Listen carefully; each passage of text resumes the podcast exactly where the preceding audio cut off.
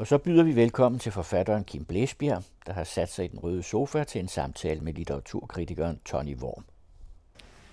Tak for det, og velkommen til jer, og velkommen til dig, Kim.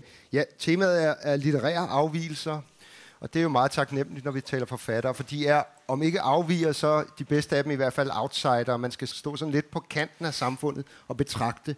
Og det gør du også og har gjort nu siden din debut, og, og det kan jeg heldigvis læse herinde.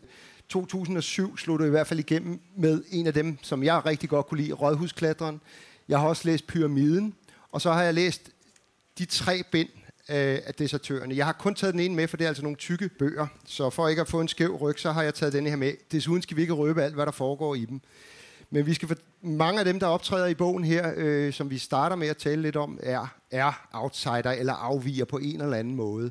Det er din historie også, både i form af dit forfattervirke, men også din helt personlige historie fra Lemvig til København, hvor du bor i dag. Det kommer vi alt sammen til at tale om. Vi skal starte med denne her desertørerne.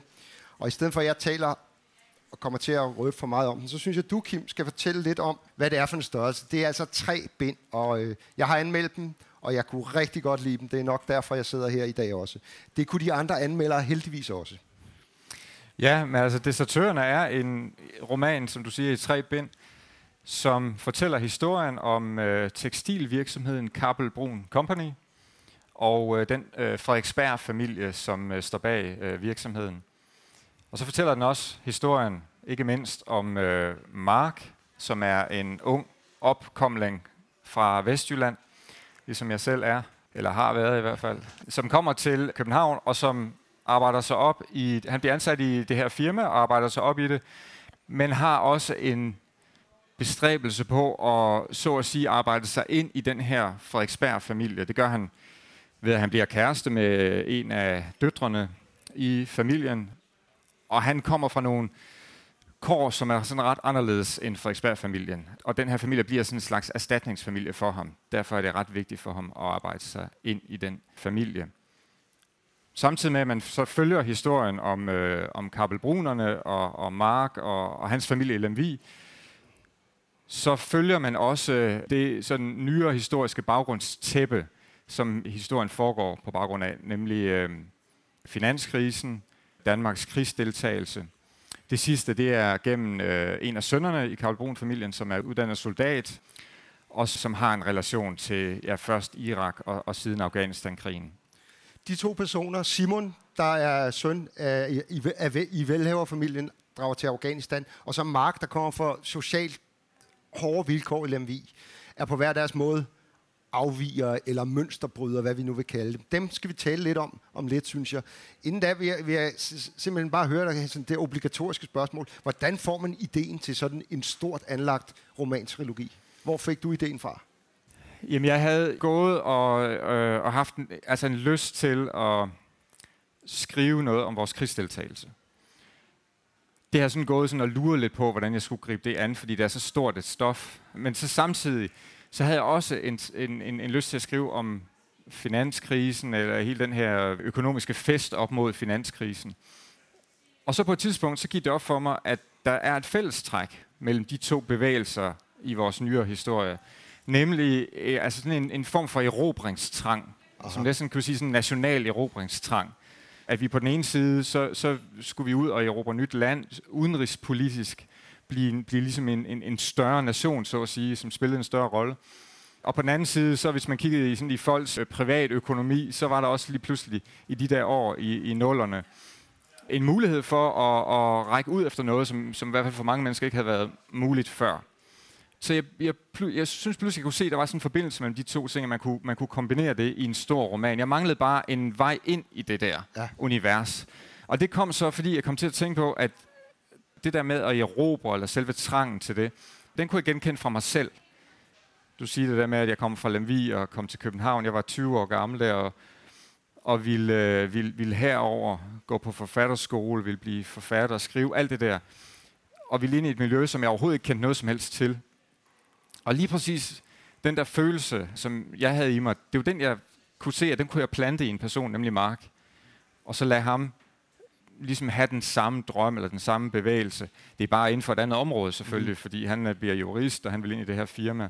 Men jeg kunne genkende den der, den der trang. Og der, der havde jeg så pludselig min vinkel, fordi jeg så også havde noget, en personlig vinkel ind i det der samfundsstof. Ja, det, det samfundsstof spiller jo en stor rolle i, i, i flere af dine bøger. Mm. Og, og, og det jeg tænker, det er, er, er, er, det, er det drivkraften? Altså, man, man siger jo altså, at vi kommer til at tale om personerne om lidt igen, men, men er, er det drivkraften at kommentere, afspejle det samfund, du lever i? Er det, er det noget, du overhovedet tænker over som kunstner? Jamen, det kan det godt være, men der skal bare være sådan en krog, der griber fat. Altså, fordi man kan sige, at jeg, jeg gik der med den der, sådan en, en interesse for det. Ikke? Altså, jeg ville gerne skrive noget om det her, men, men, men den der krog, den var der ikke rigtig. Den kom med den der tanke om, at jeg jo selv også, jeg kunne bruge den der følelse der i Mark, og så bliver det pludselig personligt på en anden måde. Øh, og så begynder det pludselig at blive nødvendigt, så det ikke længere bare er ligesom en interesse for at skrive, eller en lyst til det, men det bliver, det bliver pludselig nødvendigt. Det skal skrives. Altså, vi, vi har Brexit i, i England. Der, der er kommet sådan en ny litterær tendens, der, der kaldes Brexit. Alle, alle forfatterne skal nu og her kommentere, hvad der sker. Det er der ikke kommet nogen særlig gode bøger ud af bøger om Første Verdenskrig, de gode, de kom først 10 år efter. Ja. Er du ikke bange for, virkeligheden indhenter dig, eller at du ikke har fordøjet stoffet godt nok? Jo, jo, selvfølgelig, det kan jeg godt være, men altså, nu, nu har jeg jo så trods alt lige taget mig et par år, altså den ja. går op til 2012, 12, ikke? Ja. ja. Og første bind udkom i 16. Ja. Så jeg har ligesom lige haft de der par år, hvor jeg kunne, kunne lure lidt på det, ikke? og prøve at skabe mig et overblik, overblik. Fordi det er rigtig nok det der med, at altså, man, kan godt have, man kan godt få den der lyst til sådan, også at kaste sig ud i noget, der er fuldstændig aktuelt og også skrive ud, altså også på en eller anden måde sådan skrive ud på en følelse af noget, man har om, om, om det der. Ikke? Men risikoen er jo, at man kommer til at skrive naive romaner, mm-hmm. fordi man ikke har det der forkromet overblik, altså det kan man jo aldrig få, men altså alligevel i en eller anden forstand. Og det vil jeg helst undgå, ja. at skrive naivt.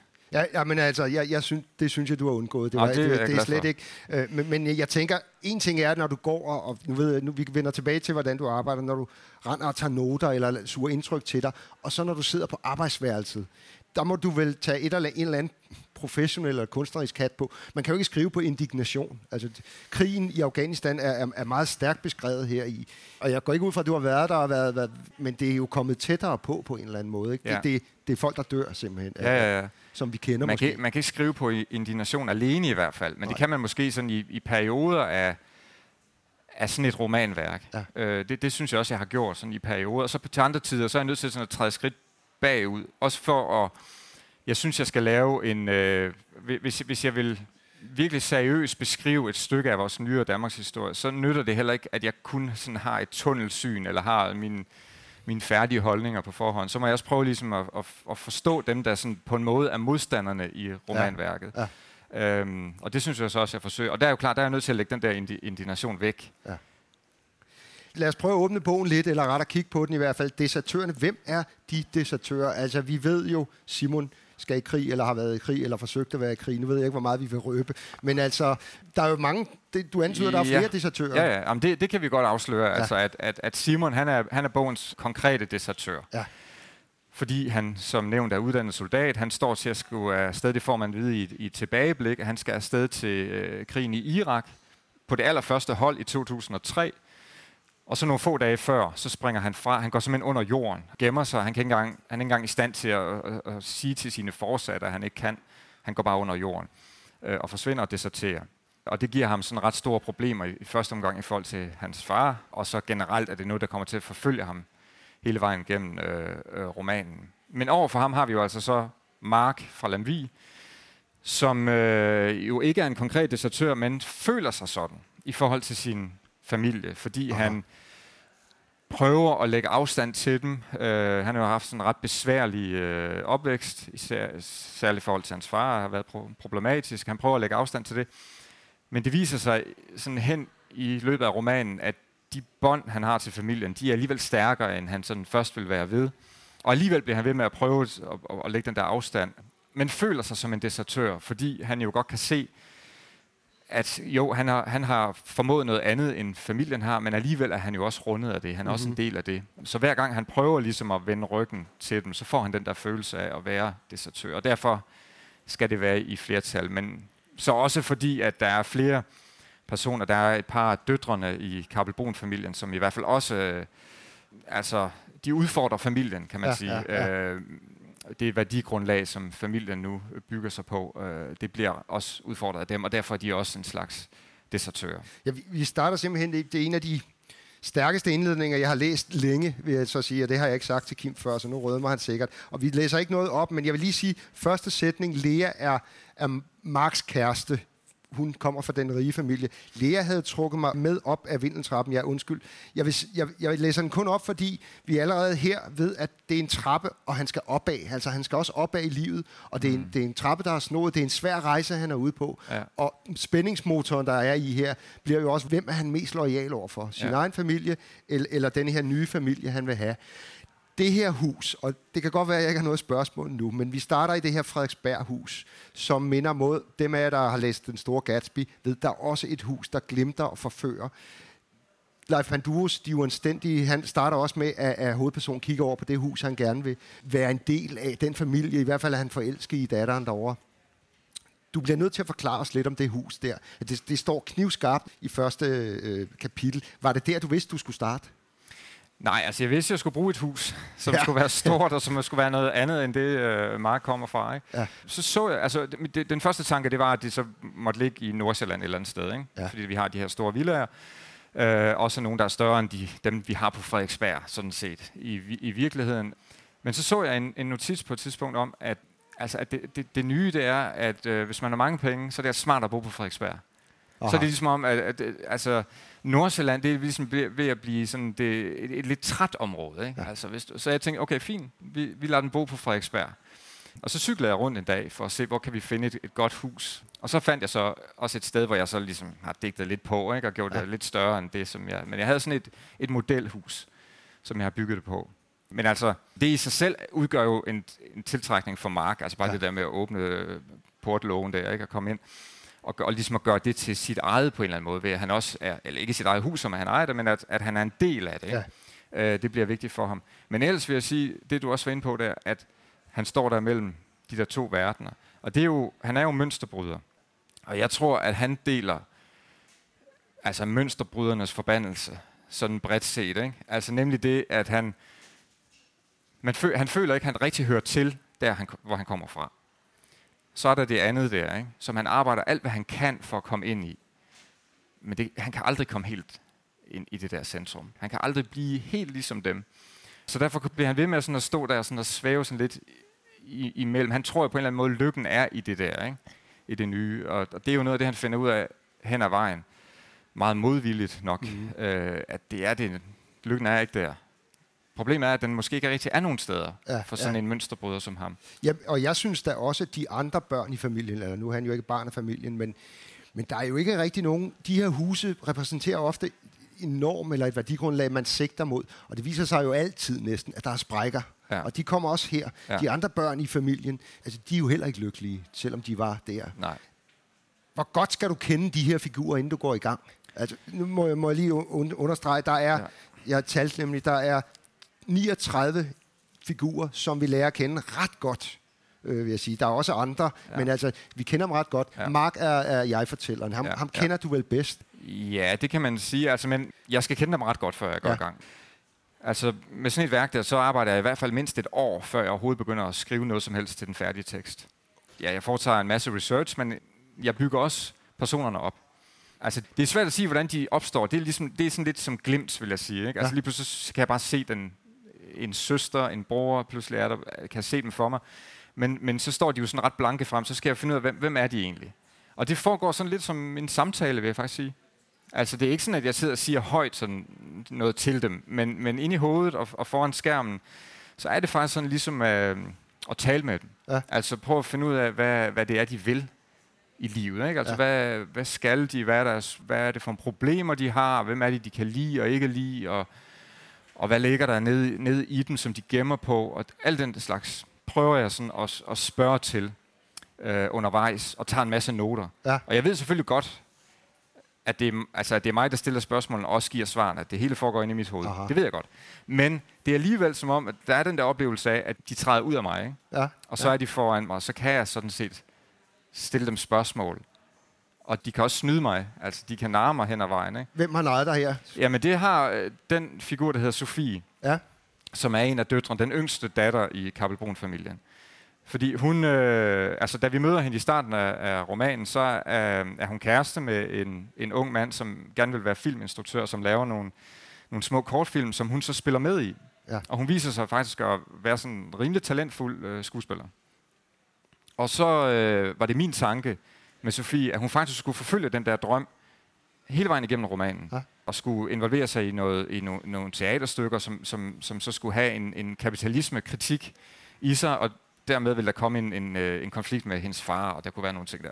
Men, og jeg kom også til at begynde at skrive nogle af de der scener med teateret, men så kunne jeg se, for det første var det ikke så let at skrive dem, men det var ligesom om, jeg kunne ikke, øh, de, de blev ved med at lyde falsk, når jeg sådan vendte tilbage til dem og læste dem igennem, selvom jeg redigerede og rettede til, og jeg kunne ikke få det til at lyde rigtigt. Mm-hmm. Og det var mange gange, jeg var igennem det, fordi jeg tænkte, det havde jeg jo ligesom aftalt med hende i vores samtaler, at hun skulle være skuespiller. Og så til sidst må jeg bare erkende, at det ville hun ikke. Altså det, øh, det, det ville hun ikke være med til. Og så må jeg åbenbart have misforstået hende i vores samtaler, eller, okay. eller også havde hun ændret holdning. Og så var jeg nødt til at gå tilbage, og så lade det der forhold gå i stykker, sådan ret hurtigt. Og da det går i stykker, så kan hun ikke fastholde sig selv Nej. i det. Hun er sådan lidt en slags kameleon. Hun tager meget farve af omgivelserne, kan ikke sådan finde ud af, hvad hun skal eller vil. Så da han er ude af billedet, så forsvinder den der drøm også for hende, eller hun kan Aha. ikke holde sig fast i den. Så det er sådan et eksempel på, hvordan altså, at, at personerne godt kan være klogere, end, end, end jeg er. Ikke? Altså, fordi det kunne jeg godt se først, da det skete, at det selvfølgelig kan hun da ikke fastholde sig i, med sådan en plan gennem flere år. Det har hun ikke i sig. Men, men altså sådan rent konkret, tager du noter, skriver du, eller går du med stemmerne ind i hovedet? Det hele, vil det jeg hele? sige. Ja. Så i starten, så er det egentlig meget noget, der kører ind i hovedet. Ja. Altså, sådan ja. helt grundlæggende, den første idé, den begynder sådan at dukke op, så går jeg sådan rundt og tænker nogle ting. Så begynder jeg at skrive ned på et tidspunkt når jeg har sådan en hel del idéer skrevet ned, så begynder det at blive, blive mere systematisk. Okay. Altså, så går jeg sådan til værk, så tager jeg for eksempel en person ad gangen og prøver ligesom ja. at snakke mig frem til, nogen, ja, til en biografi. Hvis vi lige, øh, altså, inden vi vender tilbage til Mark Simon, krigeren, soldaten, ja. desertøren, ja. den, ja. du er jo en del af den første generation, der har skrevet om Danmark i krig, eh, altså i dansk litteratur, fordi vi ikke har været i krig siden øh, i, i ja. over 100 år og jeg tænker, var det svært? Er det svært? Du, har jo ikke, du kan jo ikke gå i dialog med eksempelvis Hemingways bøger eller noget andet, for det er, det er andre krige, de har været ja, ja, ja. i, ikke? Ja, selvfølgelig ja. er det svært. Og, og, og hvordan greb... Ja, fordi, hvordan, det, fordi, det, fordi det er så stort et emne. Ja. Og hvor skal man starte henne? Og hvor... For det første foretog jeg en masse research, altså læst en masse ting, øh, øh, hørt folks udtalelser, som har været sted, og altså selvom jeg ofte foretager meget research, det gør jeg bare fordi jeg bliver så opslugt af stoffet, kan man mm. sige. Men egentlig så skal jeg ikke bruge så meget. Jeg skal bare have lidt at stå på. Og så skriver jeg derfra, ud fra sådan en eller anden intuition, vil jeg næsten sige. For jeg sætter mig i, i personens, i det her tilfælde Simons sted. Prøv at forestille mig, det er mig, der er sted. Og så skal jeg selvfølgelig have nogle, nogle punkter, jeg ved, jeg skal hen imod. Jeg skal have en, viden, en grundlæggende viden om det sted, ja, han nu skal ja, hen til, ja. og, og hvad der er foregået sådan konkret. Ikke? Men når jeg først ligesom har det på plads, så synes jeg faktisk, det kan være sådan forholdsvis nemt at prøve at sætte sig ind i, hvordan det, det er. Du behøver ikke at gå de ture nede i Afghanistan, han har nej, været og siddet ved de nej, bar. Det, nej, det behøver jeg ikke. Nej. Det behøver jeg ikke. Der har jeg nogle gange tænkt på, at det er lidt sjovt, fordi når, når jeg så skriver om Lemvi, det gør jeg jo også i, i ja. romanen, så, så kan man sige, at det er jo et stof, der ligger meget tættere på. Men når jeg først ligesom har, synes jeg har forstået de her personer, jeg har med, og prøver at, at skildre dem også sådan indenfra, så gør det ikke en stor forskel. Aha. Om jeg er i Lemvi, eller Afghanistan, eller New York, eller hvor det skulle være hen. Bruger du så, jeg har læst jeg tror det er Salman Rushdie, der jo af gode grunde ikke måtte rejse, hvor, han, hvor, hvor, end, hvor end han ja. ville. Han bruger Google Earth til ja. at simpelthen at se, hvordan ja. gadebilledet ser ud. Ja, ja. Så, så, det, det har jeg også gjort. Det har du også gjort. Ja, ja. ja. ja, ja. Jamen, øh, så kommer vi ikke udenom det. Mark bliver vi nødt til at snakke om, øh, hovedpersonen. Altså, det er jeg-fortælleren. Han er hovedpersonen. Han kommer fra Lemvig. Ja. Du sagde det selv. Han, han har sådan lidt øh, dårlig samvittighed over den, det, han har forladt. Han var mm. en mønsterbryder. Hvor meget af dig er jeg i den figur? Jamen, altså, der er jo den der, øh, som jeg var inde på, den der trang til at komme væk fra det lille sted. Ikke? Ja. Og det, som jeg også har bygget, noget af det, jeg har bygget ham på, det er jo, det var den følelse, jeg selv havde, da jeg gik rundt i Lemvi, altså at, at føle det som et, et trangt sted i de år der. Og når jeg gjorde det, så havde det blandt andet at gøre med min families historie, som ikke er helt den samme som Marks families historie. Okay. I mit tilfælde, så havde det også noget at gøre med, at vi kommer på min fars side, kommer vi ud af, af Indre Mission. Ja. Og det har sat sin præg på ham og, og hans mange søskende. Han har sådan ret mange søskende.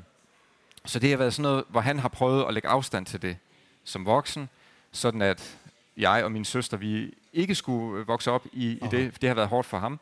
Men så har der bare været noget, der har hængt ved.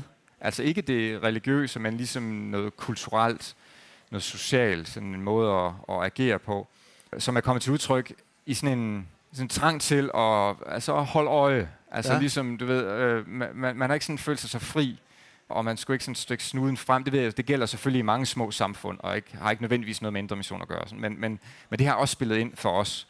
Og det kan fungere fint nok, når man er lille, ja. øh, og når man så begynder at vokse op, og når man som jeg får den her lyst til at skrive og lave noget andet end, end det gængse, så kan det godt komme til pludselig at føles meget, meget trangt. Og det gjorde det i hvert fald for, for mig.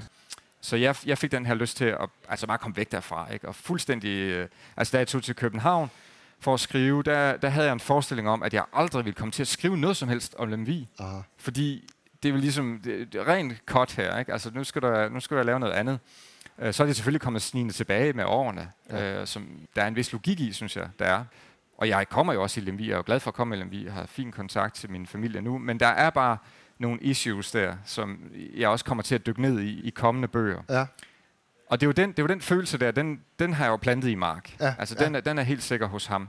Så vokser han så op i en, altså en voldelig familie med en voldelig far, og en far, der, far, der er alkoholiker. Og der kan man sige, at den del af det, Altså, det har min far ikke været. Nå, men det er jeg glad men, for, fordi men, det, jeg var lidt bange for at spørge, ja, men det, hvis ja, du, det var din ja, egen ja, men det har min far ikke været. men, til, men til gengæld er der, altså, er der nogen i, i hans søskendeflok, der har været Aha, sådan. Ikke? Ja. Altså, så på den måde, så er der alligevel noget, der har været tæt på, som, som jeg har flettet ind, som jeg har kendskab til. Ja, ja. Øh, måde sådan at agere på. Og men Mark bliver jo ved med at holde ja, som du siger, måske ikke med vilje, men altså kontakten lige ved Lemvi, det er han tvunget til. Ja. Det, altså, det gør du vel også, eller hvordan og hvordan ja. det, ikke? Ja, ja, ja. Altså, jeg læste et interview, hvor du var deroppe for nogle år siden også øh, med at holde foredrag og den slags, ja, ikke? Ja, altså, ja. Det er jo et dystert portræt af Lemvi, du tegner her. De gange, jeg har været deroppe, har det været i forbindelse med nogle foredrag, og der er et rigt litteraturliv deroppe i hvert fald. Ja, ja. Er det det, du er rundet af også? Øh, eller mm, hvordan? Nej, nej, det opdagede jeg først øh, sådan lidt sent, ja, okay. altså nærmest efter jeg var flyttet derfra. Ej, det er ikke helt sandt, for jeg begyndte i gymnasiet, og der begyndte jeg sådan at opdage det lidt, at det var der. Ja. Men altså, da jeg, da jeg voksede op og, og sådan først begyndte at interessere mig for litteratur, altså, der opdagede jeg det ikke. Altså, min mor har altid læst en del, men det har været, vi har ikke talt om litteratur. Aha. Altså, hvis man, hvis man har læst en bog, man synes var god, så sagde man, at den var god og spændende, og det var, det var så det, ikke? Altså, okay. så vi er ikke sådan, der har ikke været sådan en, altså en, en interesse for kultur på den måde. vi er jo en lille by, men det man mest ser, det er jo det lille miljø, man nu bor i, ja. i den lille by. Ja. Øh, så derfor så, så havde jeg sådan en opfattelse af, at det, det, det fandtes ikke. Altså, der var ikke nogen, der interesserede sig for, for sådan noget. Mm-hmm. Det fandt jeg så ud af, at det er der faktisk. Ja. Altså netop, Lemvig er også en kulturby på den måde, og rummer mange ting. Så det er også derfor, at med årene har jeg jo fået et anderledes forhold til stedet. Altså meget mere nuanceret og, ja. og sådan broet forhold til det. Øhm, og er også, måske af den grund, er blevet sådan tiltagende tiltrukket af at skrive om det sted du nævner, at, at du, du søger ind i bøgerne på en eller anden måde. Altså, kan, kan du komme lidt nærmere ind på det? Hvad, hvad er det, der gør, at det lige er? Det kunne jo godt have været musik, eller malerkunst, eller foto, eller noget andet, hvor man udtrykker sig. Hvorfor lige bøgerne? Jamen altså, da jeg var sådan 15-16 år, hvor gammel jeg var, så begyndte jeg pludselig at få sådan en trang til at, at, at udtrykke nogle ting. Og det ved jeg ikke helt, hvor kommer fra, fordi det er ikke noget, der sådan ligger til vores familie eller øh, noget. Altså, der er andre, der sådan har gjort det. Men det, den, den kom så, så havde jeg nogle drømme om, sådan, øh, også noget med noget musik faktisk, ja. eller skuespil, eller sådan noget, jeg har haft nogle tanker om. Og så kunne jeg bare ret hurtigt finde ud af, at det lå overhovedet ikke til mig, noget af det der. Altså, og det tror jeg måske har noget at gøre også med den der opvækst. Altså, at, at det, det ligger så dybt i mig, det der med, ikke, vi må ikke stikke snuden frem, vi må ikke larme, vi må ikke, øh, alle de der ting, vi ikke må, vi skal holde os i baggrunden, vi skal alt det der. Og så passer det jo egentlig bedre at du ved, gå hjem på sit værelse, gemme sig lidt, sidde og skrive. Det larmer ikke. Man forstyrrer ikke nogen, altså før man begynder at udgive bøgerne i hvert fald. Øh, så jeg tror, det er jo den vej, det var sådan naturligt, det var den vej ind ja. til. At, og så fandt jeg ud af, at, øh, at det fungerede meget godt. Altså, det, jeg kunne godt udtrykke mig på den måde der. Var du bevidst om den her rolle som outsider eller senere mønsterbryder? Er det, er det noget, du... Eller er det først efterhånden, som du har skrevet dig frem til det, at det er kommet? det er kommet med tiden. Ja. Altså, det tænkte jeg ikke over dengang. Okay. Altså, jeg, jeg var selvfølgelig klar over, at, at det var noget andet, jeg ville, end min familie typisk har, har gjort. Ikke? Ja, ja. Øhm, altså, at jeg har været vant til hjemmefra, at man analyserer ikke ting. Altså, du ved, man, man, man, sætter ikke, øh, man sætter ikke facit over noget, man, man giver ikke noget navne. Så, der, så derfor så altså er det, det er jo ganske få år siden, jeg sådan begyndte, det begynder gå for mig, at øh, jeg nok var en outsider, eller mm. der er noget ja, ja. mønsterbrud i det der. Ikke? Altså, øh, fordi jeg har bare vendt mig til, at det, det skal man ikke tale om. Det var derfor, det gik lang tid, før jeg begyndte overhovedet at skrive om det sted. Ikke? Ja, ja. Du har til gengæld skrevet om, om, om USA nogle gange, og, sådan, ja. altså, og, og hele anslaget i dine bøger, vi, jeg vender tilbage til det med, at vi øh, tager din livstråd op om lidt igen, ja, men, ja. men nu vil lige er ved det, du, ja. hvornår tingene kryber ind i, i, i forfatterskabet det er jo meget den store amerikanske roman, du egentlig har skrevet dig frem mod at ikke kopiere, men, men give et bud på på dansk, eller, eller hvad? Var det de romaner også, du læste? Ja, det har det blandt andet også været. Ja, ja. Der har været sådan nogle, nogle bøger, som har været lidt afgørende, hvor nogle af dem også har været amerikanske. Altså for eksempel havde jeg en periode med Paul Auster, som var ret vigtig, fordi det var da jeg gik på forfatterskolen, og jeg havde sådan en idé om, at det var nok romaner, jeg skulle skrive. Uh, at det var der ligesom den vej, det gik. Og på daværende tidspunkt på skolen, der så man altså meget skævt til hele romangenren faktisk. Ja. Altså det, det er ret vildt at tænke på nu. Øh, altså alene det, at noget var en roman, var suspekt. Men så havde vi også undervisere, der kom udefra, og på et tidspunkt havde vi en, en lektor fra, jeg tror det var fra Aarhus Universitet, som underviste nogle gange i Paul Auster. Og den øh, første bog, vi skulle læse, det var Moon Palace. Ja. Og det blev så også den første Paul Auster-bog, jeg læste. Øh, og den gjorde kæmpestort indtryk på mig. Og der kunne jeg se, at der, der var virkelig noget her, som inspirerede den læste vi jo bare sådan hjemme. Da vi så kom til undervisning der, så viste det sig, at det var jeg ret alene om. Aha. at kunne lide den bog. Ikke? Ja. Altså, fordi ja, det kan godt være, at der har siddet nogle enkelte, der også kunne lide den. Det, sagde de ikke højt. Men ja. i hvert fald dem, der sådan, var de toneangivende, de rakkede den fuldstændig ned. Ikke? Fordi ja. den, var, den var for sentimental, og den var for episk, og den var for alt muligt var galt med det der. Og der fik jeg den der følelse af, at nu, nu ved jeg i hvert fald sådan rimelig meget, hvad jeg ikke skal. Jeg skal, ja. ikke, jeg skal ikke gå den vej med de toneangiv, som de toneangivende på forfatterskolen Okay, går. du skal, ja, Paul Auster-vejen nærmere. Ja, eller i hvert fald eller romanvejen, ja, ja, ikke? Altså okay. den der med at, at fortælle mere bredt. Uh, så på den måde, så betød ja. den noget, ikke? Jo, og så har jeg læst mange amerikanske romaner sådan ja, sidenhen ja. også. Jeg vil faktisk sige, at den vigtigste roman var faktisk ikke uh, amerikansk. Det var Bliktrummen. Ja, det er jo også en mobbedreng. Det er også en mobbedreng. Ja, og ja. Kan, kan noget af det samme. Og kan noget af det samme med, med, med, det episke, og netop ja. det der med, at Altså det blev så betaget, jeg, jeg tror jeg var 20 år gammel, da jeg læste den Aha. første gang, jeg læste den sidenhen også, men, men det var virkelig en øjenåbner, fordi jeg, jeg havde ikke før, da jeg læste en roman, som, altså med de vilde ambitioner, altså det der med, at der sidder en, en ung mand i Tyskland og tænker, jeg skriver en roman, som, som beskriver en meget, meget vigtig del af mit lands historie. Ja. Altså det er jo, det er jo en kæmpe stor ambition øh, at tage på sig, ikke? Og, og fuldstændig vildt. Altså, så da jeg læste den, der, der, der fik jeg den der fornemmelse af, at øh, det bliver noget af den retning, jeg skal. Jamen, det, altså. det kan jeg faktisk godt genkende. Jeg havde ikke tænkt på bliktrummen, men, men øh, det kan jeg godt genkende her. Jeg tænkte, men nu vil jeg ved det. Hvor får man mod fra til at skrive tre bind, en krønike om vores tid på den måde? Altså, det kunne du vel ikke have gjort for 10-15 år siden? Nej, det kunne jeg ikke. Altså, hvor, jeg, kunne, jeg, kunne, jeg tror godt, jeg kunne have sådan have en, haft en fornemmelse af ideen måske, ja. eller sådan noget, men jeg ville slet ikke kunne være i nærheden af at gennemføre det i hvert fald.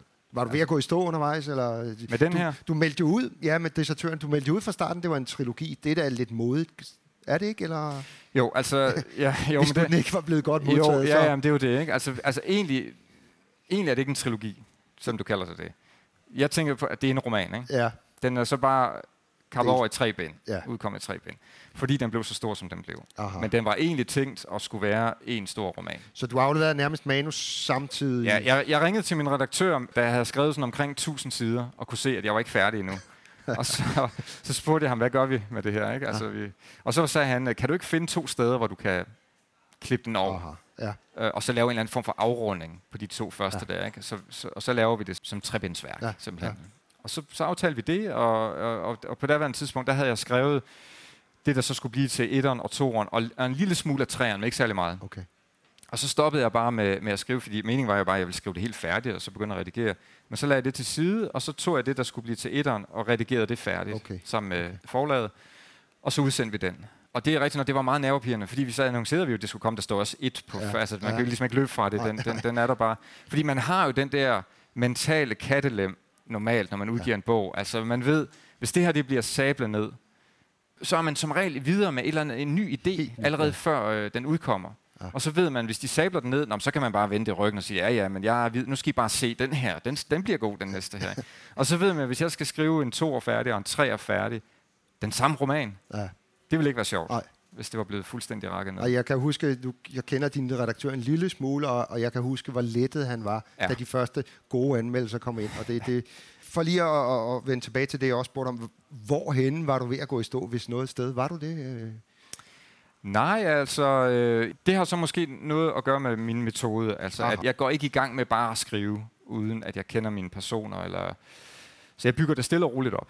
Ja. Og det betyder så, at når jeg kommer til selve skrivningen, så har jeg sådan en rimelig god øh, fornemmelse af, hvor jeg skal hen. Der kan selvfølgelig godt ske nogle uventede ting undervejs, men ligesom med Sofie der, ikke? Men, men ellers så har jeg øh, sådan nogenlunde plan. Og det gør også bare, at ja, altså, altså det, det, jeg ved ikke, om det er det, men det, i hvert fald oplever jeg ikke at gå i stå, når jeg først er i gang. Hvad med skriveblokering? Altså, jeg, jeg talte en gang med Umberto Eco, der sagde, at han svømmede. Andre forfattere siger, at de går en tur, eller løber, eller noget i den stil. Og så kommer tankerne i gang igen. Men den der svømning af Umberto Eco, den, den, den uh, sad fast, for det ja. synes jeg, der var lidt pudsigt. For Rifbjerg fandtes skriveblokeringer jo ikke. Har du det? I, det vil jeg nødt sammenligne mig med Rifbjerg, men, men faktisk har jeg den heller ikke. Okay. Altså, jeg har, ald- jeg har aldrig prøvet at have skriveblokering. Og jeg frygter også, at det kommer. Det. fordi hvis det kommer, så har jeg overhovedet ingen redskaber til at, at, at, at modvirke det, Nej. fordi jeg ikke har nogen erfaringer med det. Men jeg tror, det er igen, jeg tror, det er det der med, med arbejdsmetoden. Ja. Altså, og det kan man tale for og imod, fordi det kan også være en fare, at man, altså, man, man skal passe på jo ikke at, at, at, at gennemtænke romanen for meget, mm-hmm. før man ligesom laver den, fordi der skal være en friskhed i selve ja. skrivningen ja. også. Så jeg kan sagtens se tiltrækning ved, ved de forfattere, der bare kaster sig, skriv ned af, af siden, og så se, hvor, hvor det ender hen. Ja. Ikke? Øhm, det kan jeg bare ikke. Altså, så føler jeg ligesom, at det, det er en tog, jeg skriver i, eller noget. Så. Er, er redigeringsprocessen så også relativt nem for dig? Altså, du har vel talt med kollegaer, der gør det på en anden måde, ikke? Men jeg tænker, Den, der, ja. der kan ikke være så meget, du smider ud eller skriver mm, om, så, eller hvad? Jo, alligevel, synes jeg alligevel. Okay, altså, ja. jeg, jeg, jeg, synes, jeg bruger faktisk nogle gange mere tid på redigeringen, den ja. færdige redigering, end selve skrivningen. Fordi der er, altså den, nu enten på tre bind her, ikke? men der var til, at vi kunne have lavet den i fire bind i første okay. i første gennemskrivning. Ja, ja, altså ja. så langt var det. Ikke? Altså ja. ikke, ikke, at der var noget mere efter bind 3, ja. men bare fordi der var så meget fyldstof ind i, eller noget, der viser sig at være overflødigt, ja. som vi kunne tage ud.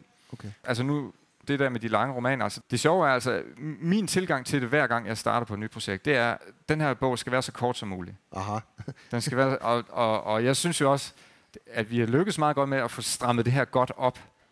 Og det er jo selvfølgelig så paradoxalt, fordi det så bliver, ender med at blive så langt. Ikke? Ja, ja. ja men det er jo faktisk også den bevægelse, du har gjort dig i forfatterskabet. Du, du startede med lidt kortere, endda prosa tekster nærmest. Ja, ikke? Ja. Altså, var det en bevidst ting, eller, eller hvis vi nu vender tilbage til forfatterskolen, hvordan den, den må have præget dig på en eller anden måde alligevel? Ja. Og men jeg forstår, at du har været også en, en outsider derinde. Jo, men altså det var fordi, øh, altså, jeg måtte jo ikke skrive roman på forfatterskolen. altså, det, det var i hvert fald den stemning, der var, så det, det lå jeg så være med. Men da jeg var færdig, så, så gik jeg i gang med at skrive min første roman som så bare ikke lykkedes. Ja. Altså, eller okay. jeg skrev den færdig, men den blev ikke god nok. Okay. Altså, det er så også en ærlig sag, at jeg skulle øve mig. Men så samtidig med det, øh, og det, jeg havde den også inde hos forlag og fik afslag. Og, og så samtidig med det, så jeg begyndte at læse øh, på universitetet. Og når vi så havde nogle, nogle timer der, som ikke var så spændende, så begyndte jeg sådan lige at skrive lidt ja. små tekster, sådan bare, bare lige for at holde det lidt i gang. Altså noget, der ikke havde med roman at gøre. Bare. Og de var, det har måske været inspireret af forfatterskolen, ja. altså fordi det var sådan nogle kort prosatekster. Og så på et eller andet tidspunkt, så var der bare en bunke, og jeg havde overhovedet ikke tænkt på, at det skulle bruges til noget, egentlig. Men så var der bare en bunke, og så sendte jeg det ind. Ja. Så blev det så antaget. Aha. Og så blev det sådan lidt ved en fejl, min debut, fordi jeg så mig selv som romanforfatter. Ikke? Men det må så vente lidt. Hvordan, altså, nu har vi så forladt hjemmet, og du kom på forfatterskolen. Er der noget, du tog med, ud over materialet, som nu dukker op, stoffet for Lemvi? Er der andet, du tog med dig hjemmefra? Altså, jeg tænker, du taler om din metode. Virker meget disciplineret, den måde, du arbejder på. Er det hver dag, du op og begynder at skrive, eller hvordan ja. former dagen sig? Ja, men det tror jeg også, at der er kommet noget med derfra. Ja. Altså det, fordi der, der er både noget godt og noget skidt. Altså, man, man siger tit i, i, i Vestjylland, at, at her lader vi os ikke sådan gå på. Det er sådan noget, man, vi gerne siger om os selv ja. derovre. Ikke? Øh, og det er der også noget rigtigt om. Det er også lidt en myte, ikke? fordi ja. øh, det, altså, der er lige så mange psykiske sammenbrud i Vestjylland som, som i resten af landet. Ikke? Der er ikke nogen forskel der. Men det kan vi godt sådan lige at bryste os af. Og der er også noget rigtigt i det. Altså forstået på den måde, at man lærer det her med, at der, der, der er ingen grund til at pive. Du skal ikke sidde og hyle over, at det er svært. Er ligesom ingen kære mor der. Ikke? Ja. Altså, det, du må bare i gang, og der er jo et tidspunkt, hvor det er svært, og der er et tidspunkt, hvor altså når man er forfatter, altså, så svinger økonomi kan svinge, og det kan være, alt muligt kan være besværligt. Ja. Og der tror jeg nok alligevel, at der er en eller anden indre styrke, som ja. gør, at okay, man tager sig sammen. Ikke? Altså også når det er svært, så får man lavet noget. Så Hemingway gik jo også meget op i, at det er, det er et arbejde, ja. Og han skulle nå 500 år om dagen eller ja. Sådan noget. Har du også sådan nogle måle, sådan en målestok der, Ja. eller et timer, du skal sidde det har jeg computer? faktisk. Det Okay. har jeg faktisk, og jeg har også en, altså et, et straffesystem, Nå. som jeg tager i brug, altså for simpelthen at holde mig hvilen. Og det er jo ikke, det er jo ikke fordi, det betyder, altså, at jeg, altså de der antal tegn eller sider hver dag, at det er jo ikke sådan, at, at verden styrter sammen, hvis jeg så har lavet en side mindre eller noget. Men det er simpelthen bare for at undgå, at det bliver sådan en lidt dårlig vane, eller der kommer flere uger i træk, hvor det ikke rigtig kører. Så har jeg bare vendt mig til, at jeg har, jeg skal skrive, det er fem sider om dagen, ikke? Jeg har, Okay, når jeg først er i gang med at skrive, så skriver jeg fem sider om dagen. ja. Og hvis jeg ikke når det i dagtimerne, så, må jeg, så skal jeg arbejde om aftenen. Hvis, Okay. jeg, hvis jeg vil have fri om aftenen, så skal jeg bare nå det. Okay. Og det er hverdagen. Jeg, jeg har læst Det- det, er noget om det. Det er også derfor, jeg spørger jer. Ja. Jeg synes, I weekenden holder du så fri normalt, eller hvad? Normalt. Ja, Ja, ja. ja. Altså med, med den her gik det jo så lidt amok, eller især med bind 2 og 3, fordi vi så lavede den her udgivelsesplan, som ret stram. Ja. Så fik jeg meget travlt. Ja. Så nogle gange var jeg nødt til at inddrage weekender. Du havde også et andet lille trick, jeg synes var meget sjovt. Altså, når du siger fem sider, så er det med dobbelt linjeafstand. Ja, halvanden. Halvanden Ja. linjeafstand. Ja, halvanden Ja, linjeafstand. ja, ja. Men det lavede du jo om, ikke? Jo, det lavede jeg om netop, fordi jeg skulle nå at blive færdig der med, med toren. Det var særligt træeren, fordi Ja. ja. der manglede næsten at skrive det hele også. Ja. Øh, jamen, så satte jeg jo bare øh, det ned til en linjeafstand, ikke? Og, så, og holdt mig til de fem sider. Ikke? Og alligevel, ja. Og så, så på den måde, så, så var det jo egentlig syv og en halv, ikke? Altså, Ja, ja, jeg skulle ja. lave. Og, og så kunne jeg også bare se, så kunne jeg ikke nå det nogen dage i Okay. dagtimerne. Ja, ja. Så, så måtte jeg jo tage alle aftener i brug. Okay. Og det blev sådan lidt, en lidt hård periode. Ikke kun for mig selv, men også for familien, fordi der var jeg jo virkelig spadet inde i det Okay. lille rum der. Ikke? I Nu, nu er der så gået øh, en, en stund siden den sidste udkom, og selvfølgelig lidt længere siden du skrev på den. Man hører tit, at, at øh, John Updike eksempelvis skrev også øh, en, en kvartet endda med de samme figurer. Han savnede dem, de stemmer, der vendte tilbage. Har, er det noget, du også har oplevet, eller er du færdig med det arbejdspres? Jamen, jeg tror, jeg er færdig med... med ja. altså, jeg, jeg, jeg synes godt, jeg kan slippe mine personer, selvom, ja. selvom de bliver så levende for mig, som de gør. Uh, men det har også noget at gøre med det, at, at, at så dukker der nye idéer op, og dermed nye personer, som jeg jo så bliver interesseret i, og, Ja. og prøver at søge ind i, hvad de så er for nogen. Det er det næste projekt. Men det ligger jo alligevel og lurer, og, øhm, og, så, og Tonja, nu kan jeg huske, at du har sagt til mig faktisk på et tidspunkt, at du synes, jeg skal skrive et bind 4 om 10 år. Om 10 år, nemlig. Om 10 år. Ja. Øh, og vende tilbage til det. Og den, øh, den her sådan skrev mig bag øret. Altså, det, måske, det kunne da godt være, at man... Samme personer og... og Ja, ja, øh, og se, hvad der, hvad den- der er sket siden Ja. ja. her. Jeg ved det ikke, fordi der er selvfølgelig er der også en fare ved at gå den vej. Ikke? Ja, altså, man ja, kommer ja, ligesom ja. tilbage til noget, hvor man har været, og kan man ligesom være der igen. Ja. Det ved man ikke, men altså, Ja. det er en mulighed. Noget andet, jeg ikke har sagt til dig, men skrevet i en anmeldelse, det var, at det, det nærmest skriger på en øh, tv-serie eller filmatisering eller noget i den stil. Er der planer om det? Nu her, hvor vi er ved at runde af i hvert fald. Altså min redaktør, jeg ved, han har sådan pushet lidt til Ja, nogle folk, ja. øh, og, så jeg ved, den, den ligger et eller flere steder. Men altså, om, om jeg har ikke hørt noget. Du har ikke hørt noget om Nej, det har jeg nej, ikke. nej, nej, okay. Det har jeg ikke. Jeg tror lige, vi, vi bliver lige nødt til også at have det sidste spørgsmål her, om, om, om hvad du så... Du, du nævner Lemvig dukker op igen. Altså, er det noget, nogle forfattere ikke, kan ikke lide at tale om det, de er i gang med, eller sådan. Men altså, hvornår kan vi vente os noget nyt fra dig? Jamen, handler det øh, ja, jamen, det handler om Lemvi. Lemvi optræder i alle mine bøger, sådan set. Men sådan lidt perifert. Ja. Lidt mere med i desertørerne nu her. Og jeg tror, det er det der med, at, at, det, at der har simpelthen skulle gå så mange år, før jeg ligesom fandt ud af, at det faktisk er i orden. At jeg godt må skrive om mit eget stof, Ja. om min egen by. Fordi det, det, det, det har ligget så dybt i, i mig, det der. Selvom jeg har kunne se øh, kolleger, som også øh, sådan helt unge forfattere, der bare sådan, nu, nu i de her år i hvert fald, kaster sig over deres øh, eget stof, så har det bare overhovedet ikke ligget til mig. Altså, det var netop det der Det med... er det der med ikke at stikke næsen Ja, ja, det der med, ja, lige præcis. Ikke? Altså, det, er jo ligesom, det, det, det, det må man i hvert fald ikke. Jeg må Nej. skrive om alt muligt andet, men ikke vores eget.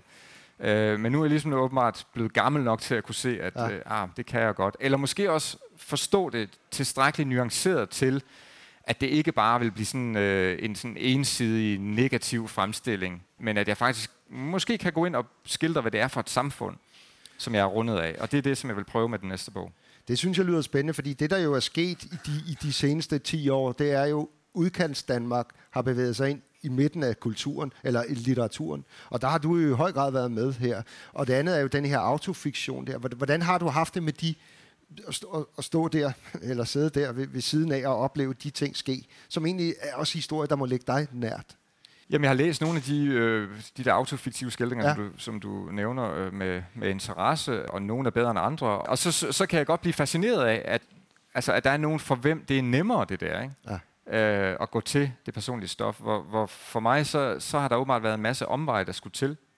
Men altså det accepterer jeg så bare, sådan må det være i mit tilfælde. Øhm, og, og, øh, og når jeg kommer til at gå nærmere ind i det der stof, tror jeg også, jeg kommer til at gøre det på en lidt anden måde. Okay. Men der ligger flere bøger og venter i det stof. Det glæder jeg mig i hvert fald til. Jeg vil sige tak til Kim, og tak for de fine bøger, du har skrevet, som jeg sætter stor pris på. Tusind tak for i dag, Kim. Og Jeg tak siger for dine tak. bøger. Tak. I hørte forfatteren Kim Blæsbjerg i samtale med Tony Worm i Den Røde Sofa.